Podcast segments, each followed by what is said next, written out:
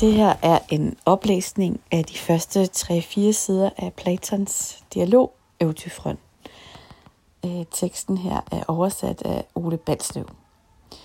Øh, lige til sådan en lille regibemærkning, så øh, finder den her dialog sted i året 399 før Kristus, lige umiddelbart forud for den retssag, hvor Sokrates blev dømt til døden. Og Sokrates er på det her tidspunkt 70 år gammel. Øh, dialogen her, fordi det er en dialog, så består den af replikker. Jeg vil derfor hver gang øh, det skifter i replik, vil jeg sige, hvem det er, der siger, siger hvad. Og det starter med, at Eutrofon, han taler. Han siger, Hvad er der sket, Sokrates, siden du har forladt gymnasiet i Lykaion, og nu færdes jeg ved kongernes søjlegang? For du har vel ikke også en sag, der skal få kongernes ret, sådan som jeg har? Der er lige en forklaring på Lykaion. Lykaion det er et idrætsanlæg i udkanten af Athen, og det lå i den østlige udkant øh, ved vejen til Marathon. Og så er der det her med kongernes, eller kongens søjlegang. Det er, øh, man havde øh, i Athen det, der hedder en kongeakont, en form for embedsmand, og han havde sit kontor i en søjlegang i det nordvestlige hjørne af Athens torv, Agora. Og han, øh, han, han førte, eller han, man kan sige, han, han var en del af det, der hedder Areoka, ah, det kan jeg ikke sige, undskyld, Areopagosrådet, øh, når, når de skulle samles for at dømme i øh, morsager. Jeg tager lige replikken igen, der var rimelig mange øh, noter til den. Så Øvdefron siger altså, hvad er der jo sket, Sokrates, siden du har forladt gymnasiet i Lykajen, og nu færdes her ved kongens søjlegang?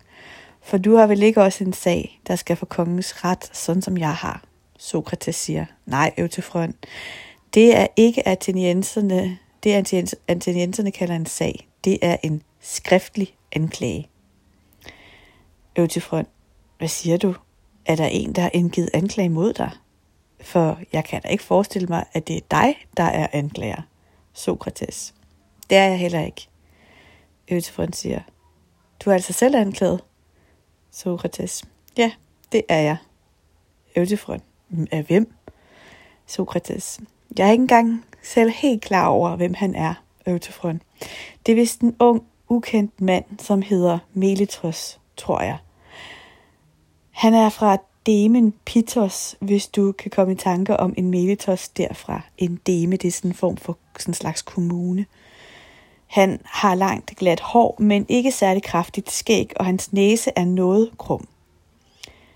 Eutyfron siger, nej, det siger mig ikke rigtig noget, Sokrates, men hvad har han anklaget dig for? Sokrates siger, det må du nok spørge om. Det er en anklage, der gør ham ære, kan du tro. Det er ikke nogen ringe sag i så ung en alder at have blik for så vigtigt et spørgsmål. Han ved nemlig besked om, det siger han da, hvordan de unge bliver ødelagt og hvem der ødelægger dem. Han må nok være en slags vismand, og han har så fundet ud af, at jeg i min uvidenhed ødelægger hans jævnaldrende og derfor går han til staten som vores fælles moder for at anklage mig. Jeg synes, han er den eneste af politikerne, der begynder det rigtige sted. Det vil jeg sige først og fremmest at drage, det vil sige først og fremmest at drage omsorg for de unge, for at de kan blive så gode som muligt. Ligesom det er naturligt, at den gode landmand først tager vare på de unge planter, og derefter på alle de andre. Det er nok også det, der får os til første lue også bort, der ødelægger de unge spiger, så. Bum. Som han siger. Og derefter vil han naturligvis tage vare på de ældre, og på den måde vil han på, på, blive en sand velgører for samfundet, hvis han fortsætter på samme måde, som han er begyndt. Øvtefront siger. Ja, givet det var så vel, Sokrates, men jeg er bange for, at der er sket det modsatte. Altså, der sker det modsatte. Jeg synes nemlig, at han angriber det helligste i samfundet, når han forsøger at gøre dig fortræd. Men sig mig, hvad er det, han siger, du gør, som ødelægger de unge. Sokrates siger, ja, men det er noget mærkeligt noget, i hvert fald når man sådan lige hører det. Han hævder, at jeg opdigter guder, og han siger, at det er for at opdigte nye guder, og ikke anerkende de gamle, at han har indgivet anklage mod mig. Så siger jeg til front. Nu er jeg med, Sokrates. Det er det med, at du siger, at din guddommelige stemme lyder for dig er til. Det er altså under det påskud, at du vil optræde som fornyer af religionen, at han har rejst den anklage mod dig. og han går med andre ord til domstolen for at bagtale dig, da han godt ved, at folk er meget lydhøre over for den slags, øh, eller den slags hets. Jeg er selv ude for det samme. De lærer af mig, som om jeg har gal, når jeg i folkeforsamling udtaler mig om religionen og forudsiger, hvad der vil ske. Og faktisk er der ikke noget forkert i alt det, jeg har sagt forudsagt. Men alligevel ser de skævt til alle os, der har forstand på den slags. Det skal man nu ikke tage sig særligt af, men dristigt stille op til kamp. Sokrates siger, jamen kæreste Øtifon, at blive til grin kan man vel se stort på. For det er mit indtryk, at athenienserne ikke bekymrer sig stort om en mand, som de anser for dygtig, bare de ikke tror, at han vil give sin visdom videre til andre. Hvis de tror, at han vil gøre andre lige så dygtige, så bliver de vrede på ham. Enten det skyldes misundelse, som du siger, eller det er andre grunde. Så siger Øtofon. Jeg er nu ikke særlig ivrig efter at få at vide, hvordan de forholder sig til mig på det punkt. Så siger Sokrates. De mener vel, at du for sjældent stiller til rådighed for dem, og at du er for tilbageholdende med at give din visdom videre. Men jeg er bange for, at de om mig mener, at jeg er menneskekærlighed udbreder mig til hvem som helst, om hvad jeg har på hjerte, ikke blot uden betaling, øh, men at jeg også er parat til selv at betale, hvis nogen vil lytte til mig. Hvis de altså, som jeg lige sagde, blot vil le af mig, sådan som du siger, de gør ved dig, så kunne det måske så kunne det blive ganske morsomt med tiden, øh, at få tiden til at gå med... Øh, så, undskyld. Nå, hvis de altså, som jeg lige sagde, blot vil le af mig, så sådan, sådan som du siger, at de gør ved dig, så kunne det måske blive ganske morsomt at få tiden til at gå en, gå i retten med pjank og latter. Okay, der er mig rolig. Men hvis de tager sagen alvorligt, så kan man ikke vide, hvad der kommer, kommer ud af det, med mindre man er spådom som du. Så siger Øtofonden. Måske løber det hele ud i sandet, Sokrates, og du får det ud af retssagen, du ønsker. Og jeg tror, at jeg også kan få et tilfredsstillende udfald af min sag. Sokrates siger, ja, men hvad er det for en sag, du har, Øtofron? Står du som anklaget eller anklager? Øtofron siger, det er mig, der anklager. Sokrates, og hvem anklager du? Øtofron siger, når du hører det, så vil du tro, jeg er gal.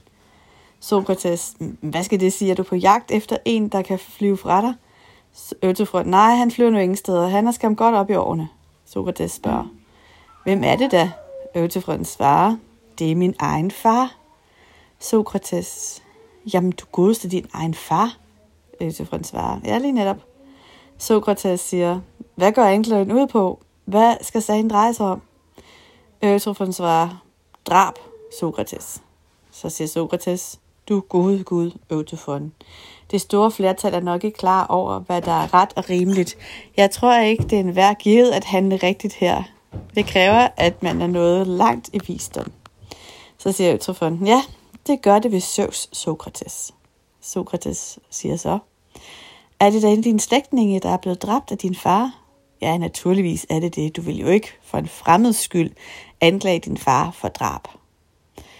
Så siger Øvtefon, det er da latterligt, Sokrates, at du tror, at det gør nogen forskel, om den, frem, om den dræbte er en fremmed eller en slægtning, og at du ikke kan indse, at det eneste, der kommer, det kommer an på, er, om drabsmanden handlede retfærdigt eller ej. Hvis han havde retten på sin side, så skal man lade ham være i fred. Og hvis ikke, så skal, skal han man retsforfølge ham. Også hvis han er ens hus- og borfælde. Besmittelsen kommer nemlig også over en selv, hvis man omgås en sådan person, og man ikke med den viden, man har om hans gerning, renser både sig selv og ham gennem en retssag. I øvrigt er den døde en af mine daglejere, og da vi drev et landbrug på Naxos, arbejdede han hos os der. En gang, hvor han var beruset, slog han en af vores slaver ihjel, som han havde set sig gal på. Så bandt min far ham på hænder og fødder og kastede ham i en grøft og sendte en mand her til Athen for at spørge fortolkeren af den hellige ret, hvad man skulle gøre. I mellemtiden bekymrede far sig ikke om den bundne mand, men var ganske ligeglad med, om en sådan morder skulle dø. Og det var netop det, der skete. Han omkom af sult og kulde og de snærende bånd, før budbringeren kom tilbage fra fortolkeren. Og nu er min sanden både min far og hele den øvrige familie fortørnet over, at jeg på drabsmandens vegne anklager min far for manddrab. De påstår, at han ikke har dræbt ham, og selvom han så aldrig så meget havde gjort det, så skulle man ikke gøre så stort et nummer ud af sådan en person som den døde, der jo selv var drabsmand. Det er nemlig syndigt, siger de, at en søn anklager sin far for drab. Men de ved kun dårlig besked med, hvad den guddommelige ret siger om fromhed og synd. Jamen ved Søvs, kære Øtefon, mener du virkelig, at netop du har en så sikker forståelse af, hvad det guddommelige vil sige, og begreberne fromhed og synd, at du, når det forholder sig, som du siger, ikke er bange for, øh, at du selv kommer til at handle syndigt ved at rejse anklage mod din far. Øh, Øtefon siger så, der vil ikke være noget særligt ved mig, Sokrates, og Øtrefon vil ikke udmærke sig frem for de fleste andre mennesker, hvis jeg ikke havde en præcis forståelse af alle de slags, den slags ting.